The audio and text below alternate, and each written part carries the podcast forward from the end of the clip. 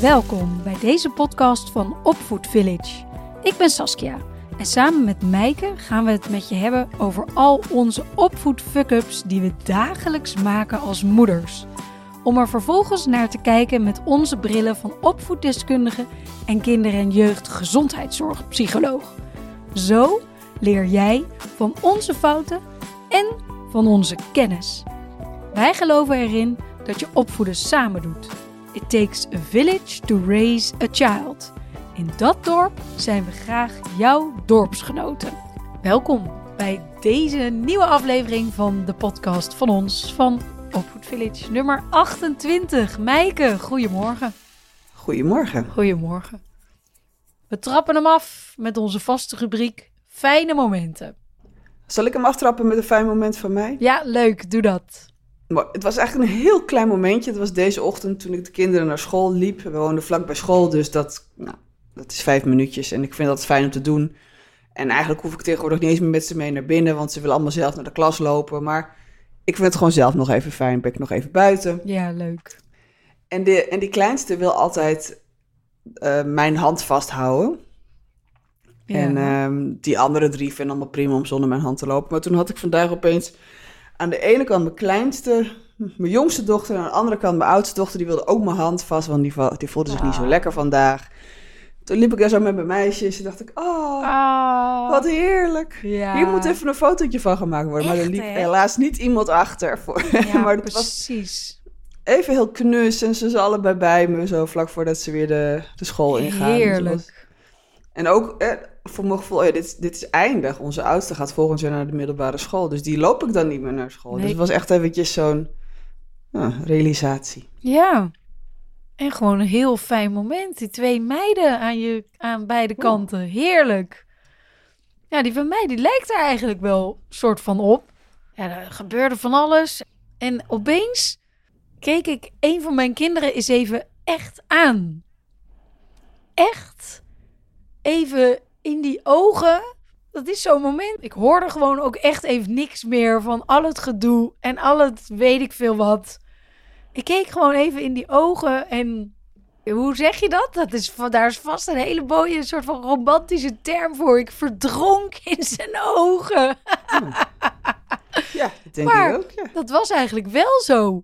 En dat is gewoon soms zo lekker om dat even te doen. Om gewoon eens even in die ogen te turen. En je hart te voelen vullen met liefde voor je kind. En ja, ik weet niet, daarna ging ook gewoon alles makkelijker en soepeler. Dus dat is meteen onze eerste tip, eh, Sas. Kijk je kind vaker aan. Ja, ja en als je met ons inderdaad een, een cursus gaat doen, dan hebben we het hier ook dus veel meer over. Want dit is inderdaad een van de dingen die je eigenlijk veel vaker moet doen. Maar bij mij leverde het in dit geval gewoon even echt een heel fijn momentje op. Heerlijk. Mooie verbinding. Ja. Ja. Ja, Mooi. goed. Dat is grappig. Ik zeg verbinding en opeens denk ik... al die situaties, al die mooie momenten... die wij over de afgelopen podcast hebben gedeeld met jullie... Ja. zijn eigenlijk allemaal momenten waarop je even heel erg duidelijk die verbinding voelde hè, met je Ja. kind. Ja, Dat is het fijne moment. zeker. Grappig. Dat, dat is het overkoepelende factor, bedenk ik me opeens niet. Ja, dat goed. is de. Eh, dat was een sidestep. ja, mooi. Ja, mooie sidestep. Een hele nuttige. Ja. We gaan het, eh, het onderwerp van deze podcast gaat eigenlijk iets waarbij we juist ontzettend van uit verbinding raken met onze kinderen. Namelijk klopt. wanneer zij op een scherm zitten. Ja. Dan zitten ze in verbinding met heel iets anders. Ja. En zeker niet meer met ons en wij ook niet meer met hen. Nee, Want Klopt. als ik heel eerlijk ben, eh, gebruik ik het scherm ook wel eens om even mijn kinderen te kunnen parkeren. Om Ja. even zelf iets rustig te kunnen doen, om te kunnen koken of om gewoon even te kunnen ademhalen of zo. klopt. Maar dan, hè, dan zitten ze daar even geparkeerd en dan is er gekookt. En dan komt er een moment waarop ze moeten gaan stoppen. Stoppen met Yes. kijken. Dat ding moet uit. En, En dat is nog niet zo simpel. Nee, nou, Al, al wordt dat, laat ik dat er wel bij zeggen, want ik heb natuurlijk kinderen in verschillende leeftijdscategorieën. ja. Het wordt wel makkelijker als ze ouder worden. Ah, grappig, maar dat wordt waarschijnlijk makkelijker omdat jij ze wel ook bepaalde vaardigheden hebt aangeleerd. Nou, dat zou ermee te maken kunnen Ja, hebben. dat, ja want we kunnen wel net zo doen van ja, een kind moet dat kunnen. Maar dat is iets wat we ze kunnen leren. Ja, want eigenlijk is het een enorm groot overgangsmoment. Hè? Want ze zitten iets te doen waar ze helemaal in op zijn gegaan. Ja. Wat ze echt fijn vinden. Brein staat ook voor een stuk uit. Ja.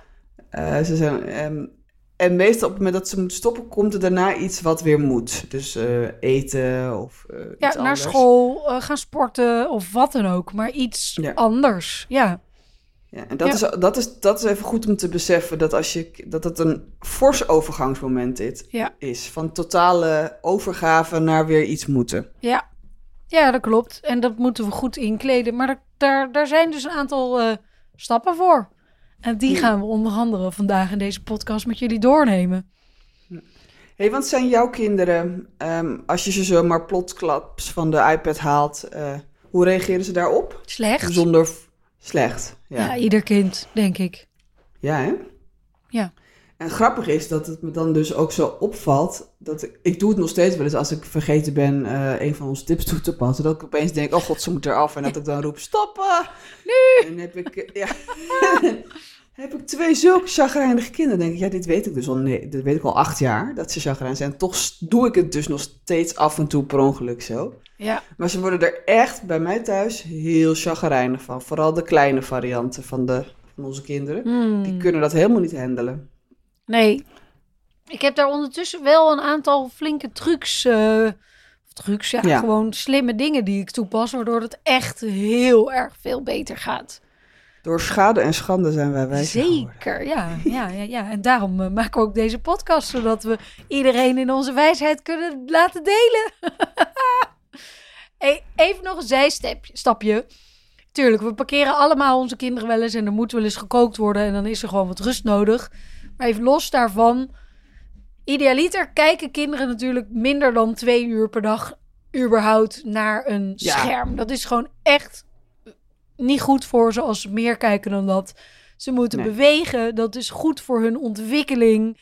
En nou, honderdduizend redenen waarom ze überhaupt niet zoveel op een scherm moeten zitten. Maar in dit geval zitten ze er dan even op en dan willen ze eraf. Ik begin met de, ja, de tip. Kondig het aan wanneer het afgelopen is. En Ja. overleg op voorhand met je kind hoe lang het mag kijken. Bijvoorbeeld één aflevering of twee afleveringen of een bepaald aantal minuten. En betrek je kind ook in dat proces. Want kinderen houden gewoon van autonomie. Dus om dingen Ja. zelf te kunnen bepalen, laat ze dan dat ook, die autonomie ook hebben in dit soort gevallen. En uiteraard binnen een enorme bandbreedte, want daar ben jij als ouder voor. Ja, jij bewaakt de, de, de buitengrens. Ja. Laat ze daarin meedenken. En besef je inderdaad dat het een vaardigheid is die ze onder de knie eh, dienen te krijgen. Ja. Ja, want wat daarbij ook belangrijk is, kijk, wat een mooie afspraak is, is als je zegt, nou, je mag één of twee afleveringen. Dat is iets wat een kind wel goed kan overzien, wat ook een jong kind kan overzien. Maar als je gaat werken met minuten, omdat ze een game spelen of wat dan ook, dan, zodra kinderen eenmaal op het scherm zitten, vergeten ze die minuten. En Ja. hebben ze ook totaal geen overzicht meer over die tijd. Dus dat is wel iets waar je ze bij moet helpen. Eh, met een wekkertje. In ieder geval iets wat afloopt, zodat het visueel voor ze is hoe lang het nog duurt. Ja, ik gebruik wel eens eh, een, eh, een kookwekker. Ja, precies. Of de, Ja. de timer van de. dat we op de Google vragen of de Google een timer wil zetten. Ja. En die, die komt dan eens in de zoveel tijd, ligt die op. En dan kunnen ze zien hoeveel minuten. Maar natuurlijk, bij jongere kinderen zal je het inderdaad op een andere manier visueel moeten, moeten maken. Maar goed, dan heb je het dus visueel gemaakt. Je hebt afgesproken, zo lang mag jij eh, televisie kijken of op de Ja. iPad. Ehm, en, dan vlak, en dan zeg jij vlak voor het moment dat je gaat stoppen, kondig je het nog even aan. Zeg je jongens, nog vijf minuten of nog twee minuten. Ja, en dan? Dan zijn er meerdere mogelijkheden. Dus eh, de wekker is gegaan.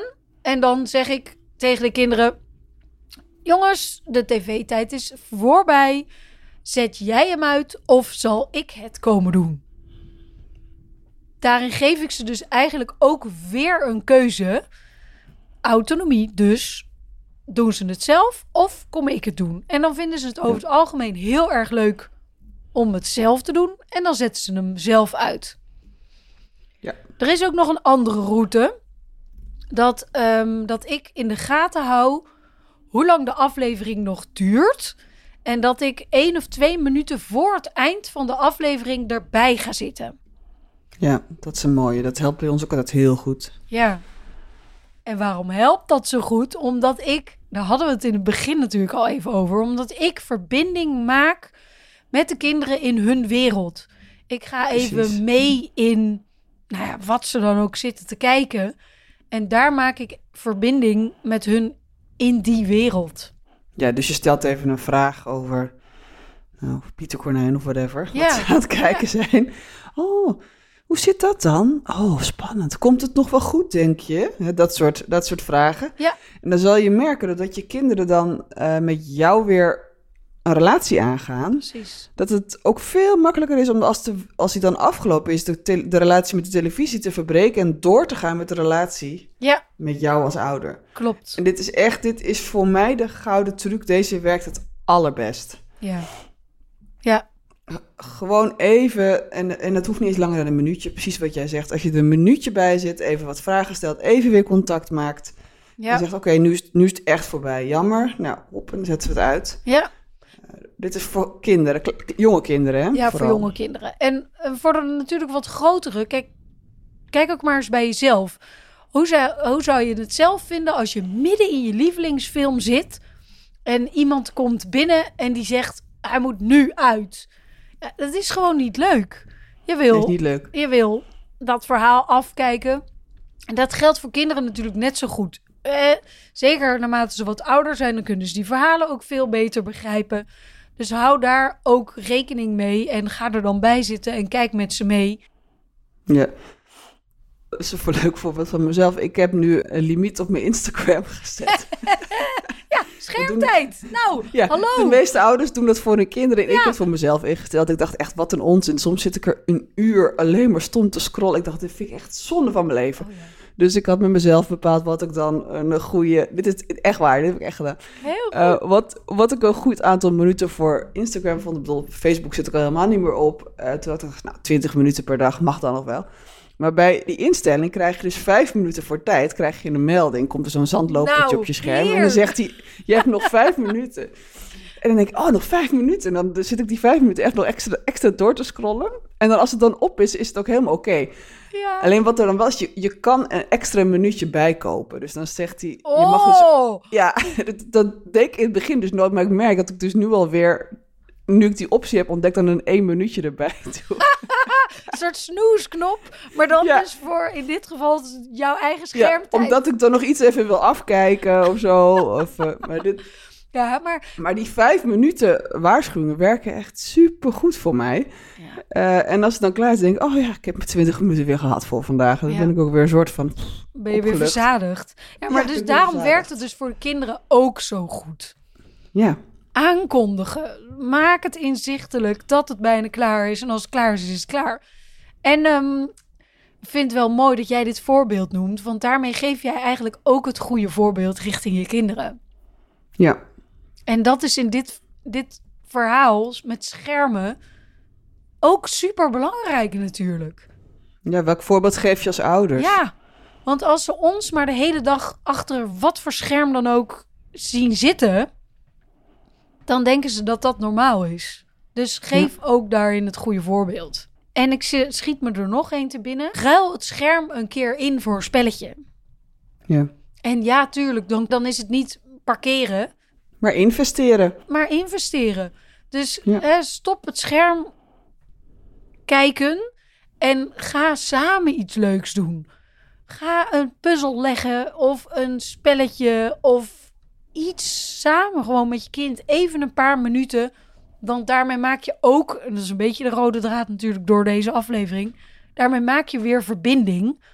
Ja, en is het veel mooi. makkelijker om de verbinding met het scherm te verbreken. Ken jij die 2022-regel? Nee? Nou, artsen Vertel. die schijnen te adviseren de 2022-regel. Dus als je het interessant vindt van hoe lang mag je kind nou eigenlijk kijken? Nou, 20 minuten kijken naar een beeldscherm. Dan zouden je kinderen en jijzelf dus eigenlijk ook, hè, 20 seconden in de verte moeten kijken. En ga twee uur per dag naar buiten om te spelen of te sporten of buiten dingen te doen. Dus 20, 20, 2. 20 minuten kijken, 20 seconden in de verte, 2 uur per dag minimaal buiten lekker spelen. Ja. Grappig dat je het zegt, want ik merk de laatste tijd, ja, we worden natuurlijk ook al een dagje ouder, hè?